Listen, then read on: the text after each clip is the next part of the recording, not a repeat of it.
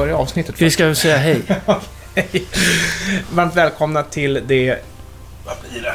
70 70 avsnitt. eh, Hej och välkomna till avsnitt 70.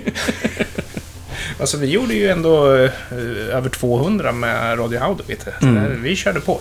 Välkomna till det 17 avsnittet av podcasten Stulet Gods, där jag, Anders Hesselbom, sitter tillsammans med Henrik Andersson. Hej Henrik! Hej, hej, hej. och diskuterar påstådda låtstölder. Och eh, förutsättningarna kommer ju faktiskt att förändras här nu när artificiell intelligens, AI, blir en spelare på allvar. Och eh, det som jag har hört hittills har inte varit så speciellt imponerande, men så dök det upp någonting. Ja, visst. Ja, men artificiell musik, eller artificiellt skapad musik har ju funnits länge. Och då har det ju oftast rört sig om att man i en sequencer fått Ja. en, en, ett program att stoppa ut noter på rätt ställe. Korrekt, ja. För att eh, emulera olika, till exempel Beethoven och så vidare och andra grejer som de har lyckats göra. Yes. Eh, Men nu pratar vi alltså om en dator som lyssnar på musik och verkligen lyssnar på hur musiken låter. Och det som är nytt här, det är alltså att den producerar en ljudimpuls som låter som musik. Precis, den Inte skapar notation, inte notation. färdiginspelad, Färdig- mixad musik. Exakt. Som låter på ett ungefär som den musiken den har fått tidigare lyssna på. Ja, Och det jag hittade på, lyssnade på häromdagen var ju då eh, Rick Astleys Never Gonna Give You Up. Och då har man gjort som så att man låter den börja. Man lyssnar på Never Gonna Give You Up som den gör och sen har man helt enkelt låtit datorn fortsätta låten och göra den längre. Och det är ju... Det, det ger en sån fantastiska framtidsvisioner. Det är inte perfekt på långa vägar, men det är intressant Ja. och det är fantastiskt och man ser in i framtiden att Wow! Ja. Det kan uppstå musik är från en teknik- ingenstans. det är en teknik som ligger i sin linda. Mm, Vi, vi landade på månen på 60-talet, men vi har definitivt inte forskat på artificiell intelligens sedan 60-talet. Och definitivt inte artificiell intelligens som skriver musik. Nej. Och jag, jag bara älskade det här att vid något tillfälle så var han lite eh, James Brown-stabbig och lite kort i rösten. Vid något tillfälle så fick du en refräng med körer. Alltså det var stämsång Ja, den hittar ju även på sångtexter och sånt där. Och det, visst, det låter si och så emellanåt, men man ser då in i framtiden här. Vi säger att du eh, tränar den här datorn till att göra musik. Vem är upphovsrättsmannen? Ja, Om du har tränat den här datorn på att låta som Rick Astley och så säger du skriv en Rick Astley-låt. Kan Rick Astley säga ursäkta mig, ni har stulit min musik? Kan, det kan han förmodligen inte, men samtidigt så skulle man då vid något tillfälle kunna ge ut en ny skiva med Elvis Presley. Mm. Och, och det som gör mig lite irriterad här, det är ju att vi kan ju vara helt säkra på att när saker och ting går bra, så kommer ju den som har suttit och dirigerat ihop det här verket, alltså, laddat AI och satt igång programmeringen och alltihopa, kommer ju ta äran. Men om någonting går dåligt och Rick Astley blir irriterad, ja då kommer han ju skylla ifrån sig på sin dator. Det är exakt så det kommer att bli. Ja, Ta absolut. apan som tog en selfie till exempel. Ja, vem äger fotot? Ja, och då är det så här. Fotografen som då spenderade tre veckor på att smyga på den där apan, bli vän med apan, se till att apan kom åt kameran. Och sen så har du en bildbyrå som säger Fuck you, det är inte din bild. Det, apan äger bilden. Ja, Gick det inte så, på lång, gick det inte så liksom till och med i, i, i ett rättsfall liksom, att man beslutade att Nej, det var nog inte rättsfall. Det var ju någon sån här, Ja, det det var- var, det- någon sån här det copyright agency som bara bestämde. Ja, man använde inte bilden slutade med. Det, det, det var något sånt här. Men jag menar, det är ju helt bisarrt. Mm. Och, och definitionen av att äga ett verk inom, när det gäller fotografering, är alltså att ha fingret på avtryckaren. Mm. Vem äger då en timad? Ja. Ja, Och om du nu skulle... eh, AI kräver ju att man, att man tränar den. Det vill säga att du, du eh, ger den grundmaterial som den eh, sen tittar på, analyserar och skapar någonting nytt efter. Du Ja. behöver ju inte bara ge den Rick Astley. nej. Du kan ju ge den Rick Astley och Bob Dylan och Kraftwerk och någonting. Och vad blir det av det och vem äger den låten? Ja, och ingen musik skapas ju ett vakuum. Det vet ju vi som gör den här podden. Det Ja. är ju liksom hela konceptet med våran, våran podd. Och det den här gör, alltså det är därför som AI är så fantastiskt briljant på att förutsäga framtiden. Därför att du kan mata historiska fall. Och eh, alltså miljoners miljoners poster som en dator kan gå igenom som en människa inte skulle kunna analysera under en livstid och ännu mindre hitta mönster i. Det kan en dator liksom bara svälja i sig som ingenting. Så ta till exempel ett institut som lånar ut pengar till privatpersoner. Mm. Kommer den här personen kunna betala tillbaks lånet? Ja, en dator kan ju ha alla kända utlåningsfall sedan tidernas begynnelse i sitt minne och kommer direkt kunna säga ja eller nej på den frågan. Kenta får inte låna några pengar. Ja, och det finns ju rätt mycket liksom förutfattade Computer meningar. says om- no. Ja, exakt. vad, vad heter den? Little Britain. Little Britain. Ja, Nej, men det finns ju väldigt mycket förutfattade meningar ute i serverhallarna i Sverige. Därför att om en, ett samband fungerar så spelar det ingen roll om det är kausalt eller inte. Man skulle till och med kunna säga att om datorn har eh, hittat att hudfärg är en faktor för om man klarar att lämna tillbaka sina pengar, då kommer han ta hänsyn till det. mm. Eh, Men, så, så det finns ju till och med rasistiska datorer nu för tiden. Det är inte helt oväntat i dagens samhälle. Det här gör lite ont för Lizard King, alltså den här anklagelsen eh, gör lite ont. För Lizard King, det är ju en musikproducent som heter duga. Och den här snubben är ju skolad i det som vi pratade om för några avsnitt sedan, trackerkulturen. Mm, absolut. Mycket eh, legendarisk nästan. Eh, mycket produktiv och oerhört duktig musiker. Och soundet, det liknar ju ingenting annat. Det här... Han uppfann i nästan ett visst sound Ja. när han... Eh, han gjorde väl musik väldigt mycket på Amigan. Ja, Eh, och då talar vi om eh, slut, väldigt sent 80-tal, väldigt tidigt 90-tal. Mm. Där han producerade låt efter låt efter låt. Där, eh, med sitt eget sound. Man kunde nästan peka och säga det här är Lizard Ja. King.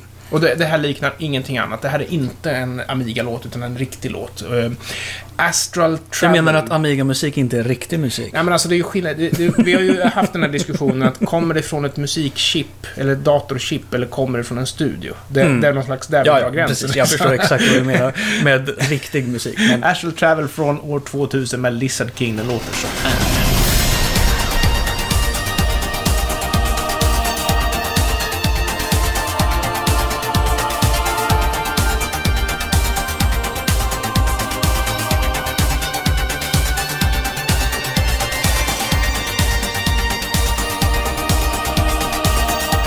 Sen är ju de som har producerat Lena Philipssons Dansa i neon från 1987, de är ju liksom inte klapptrend de heller, men jag tycker att vad man än spelar efter att man har lyssnat på Lizard King kommer ju vara ett snäpp ner i produktionskvalitet, för han är så jäkla skicklig på det han gör. Men vi går väl direkt på Lena Philipsson. ja, ja.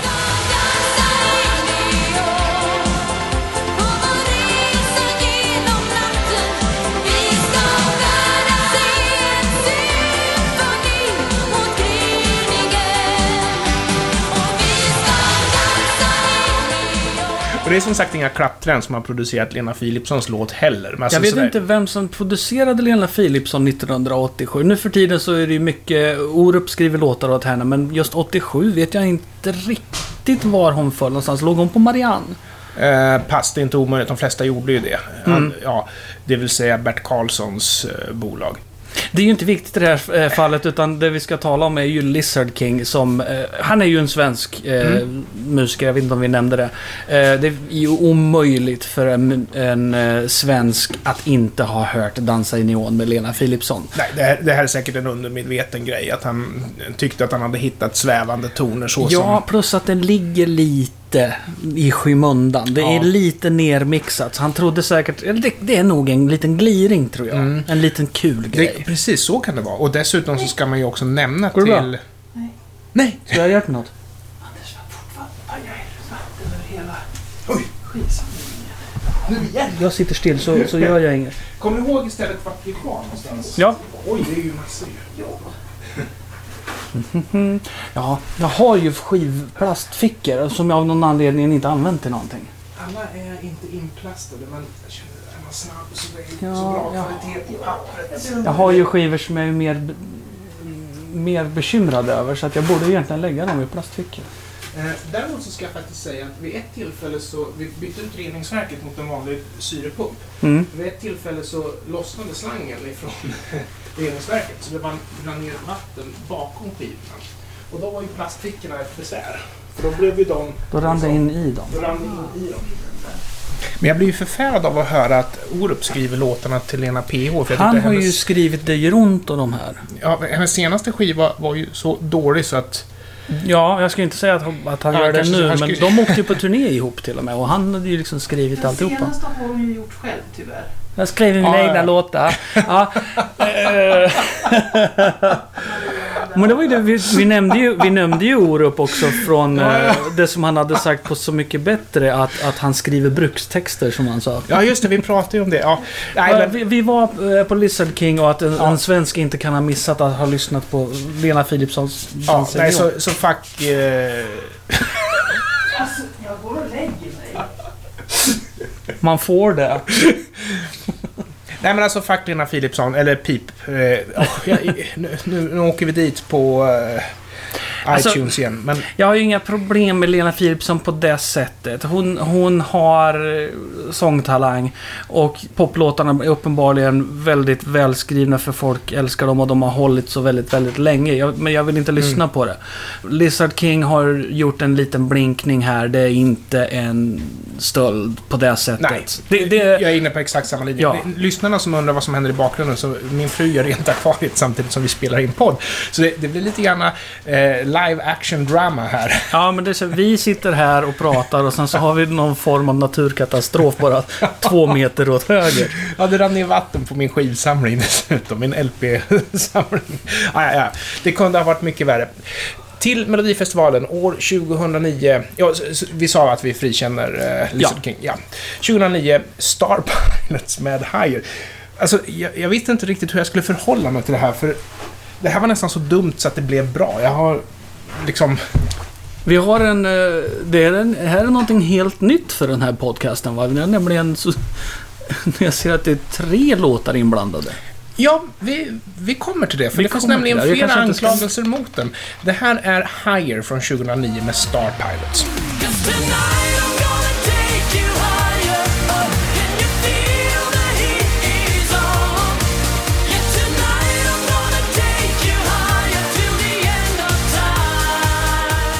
Jag hör ju, utan att ens veta vad nästa låt är, så hörde jag ju direkt vad det där var en stöld av. Waiting for a star to fall eh, från 1988 med Boy Meets Girl. Den låter så här.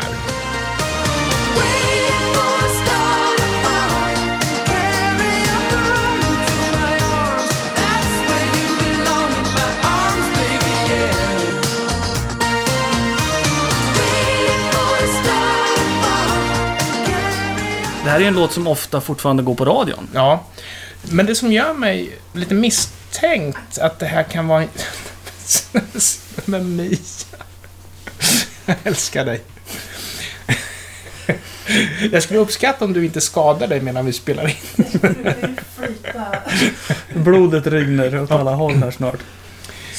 Men det som får mig att tänka att det här kanske är någonting generiskt, det är att jag fick också tips om att lyssna på Velvet med Take My Body Close från 2008, alltså bara året innan Star Pilots släppte sin Higher. Den låter så här.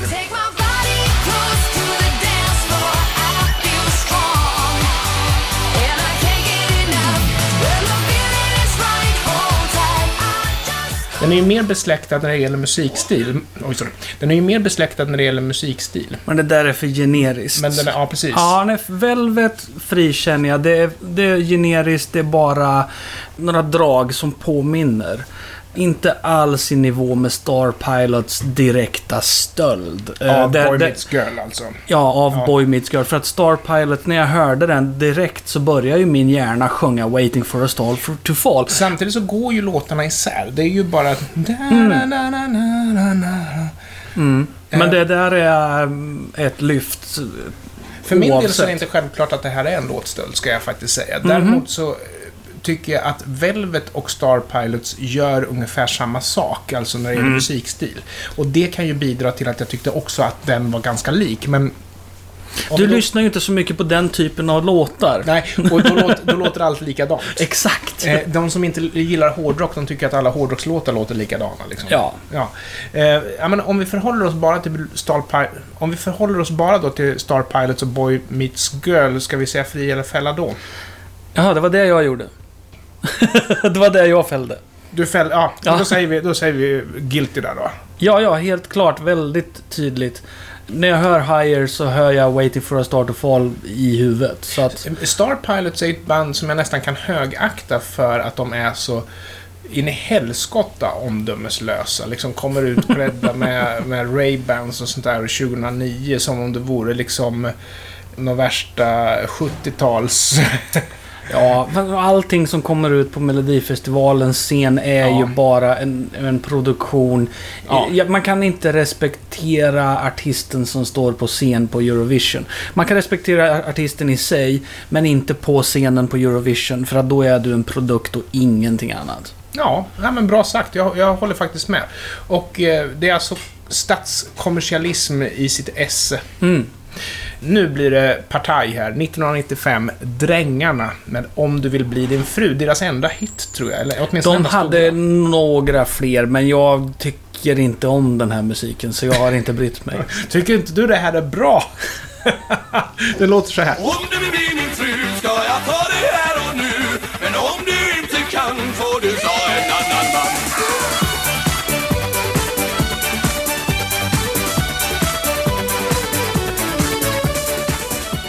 Oops.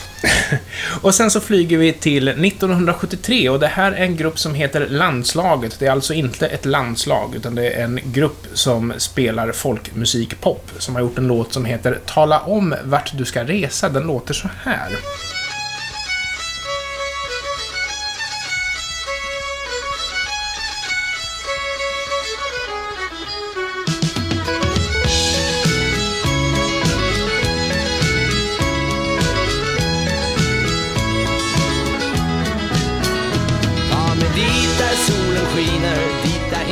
Var det inte så att den vi, fiolspelaren spelar på Drängarna?